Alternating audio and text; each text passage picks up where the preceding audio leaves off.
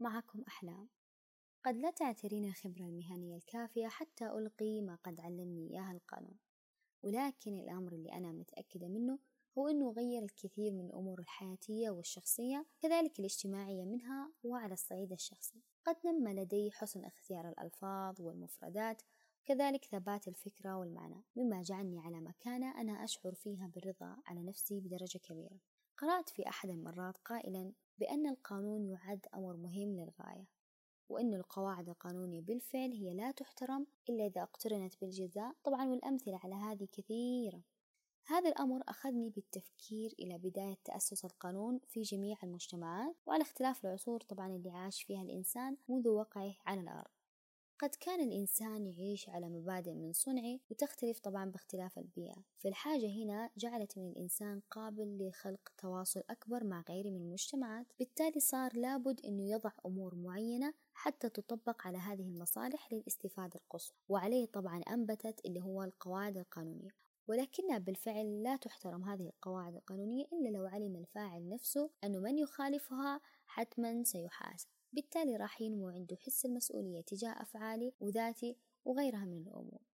كذلك من الأمور المهمة والتي برزها القانون هو أن العرف مرجع مهم وأساسي قد تتصور إنه ممكن العرف زيه زي أي أمر قد يطرأ على المجتمع ويذهب طبعا بذهاب وقت ولكن في عرف يكون قائم وأساسي. حتى أن الناس تعتاد عليه كسلوك يمارس وليس كعرف وهذا طبعا يؤخذ بعين الاعتبار.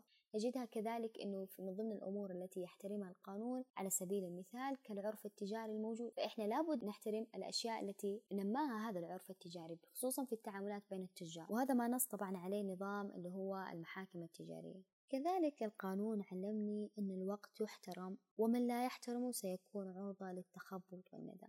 وعلى سبيل المثال عندك فيما يخص مدة الاعتراض الموجودة والوقت ووقت تقديم اللوائح والمذكرات والردود وغيرها من الأمور. فمن لا يحترم الوقت هنا سيكون عرضة للتخبط في إيجاد الحلول البديلة حتى يتفادى ما وقع منه.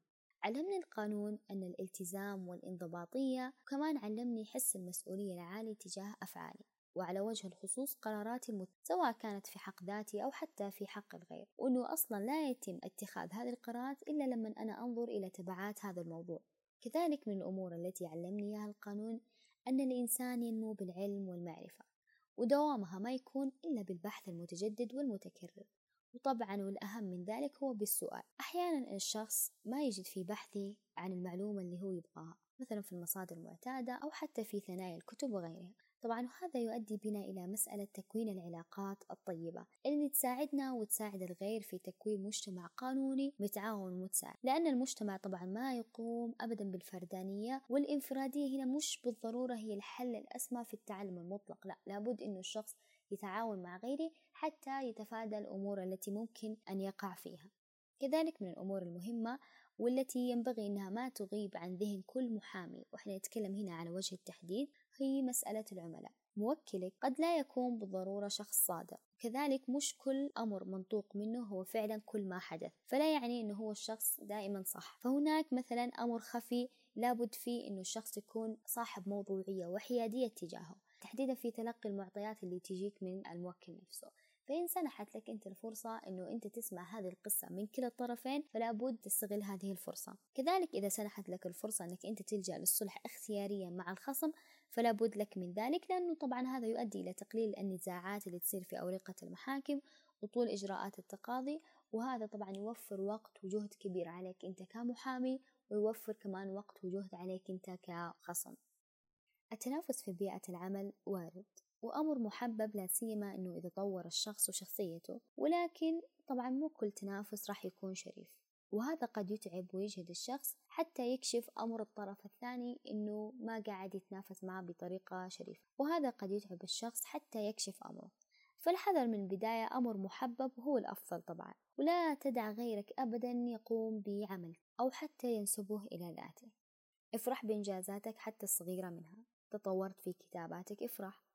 أجدت التحدث افرح استطعت تعليل مادة نظامية افرح فرحك ينمي شغفك تجاه العلم والتعلم ويجعل هناك تنافس للنمو على الصعيد الشخصي. ثم كذلك هذا الأمر ينعكس على المجتمع القانوني من يجدك ساكت ومحب للمساعدة بشكل مفرط هذا قد يساعده على الاستغلال وهذا طبعا أمر مرفوض لأن الأشخاص كثير وفي الأغلب يحب المديح والثناء حتى طبعا لو كان على جهد غيري. مو الكل مثلنا يفكر بنفس تفكيرنا مو الكل يحب المساعدة مو الكل طبعا يعطي المعلومة بنفس الطريقة اللي إحنا نعطيها أو نفكر بنفس التفكير. ففي أشخاص مختلفة. فإحنا إذا قدرنا أو استطعنا إنه إحنا من البداية نحط حدود واضحة عشان نتحاشى فيها الإشكالات اللي قد نقع فيها فلا بد لنا أنه نفعلها.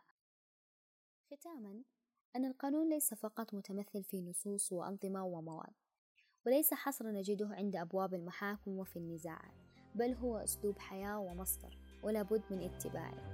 نراكم في الحلقة القادمة.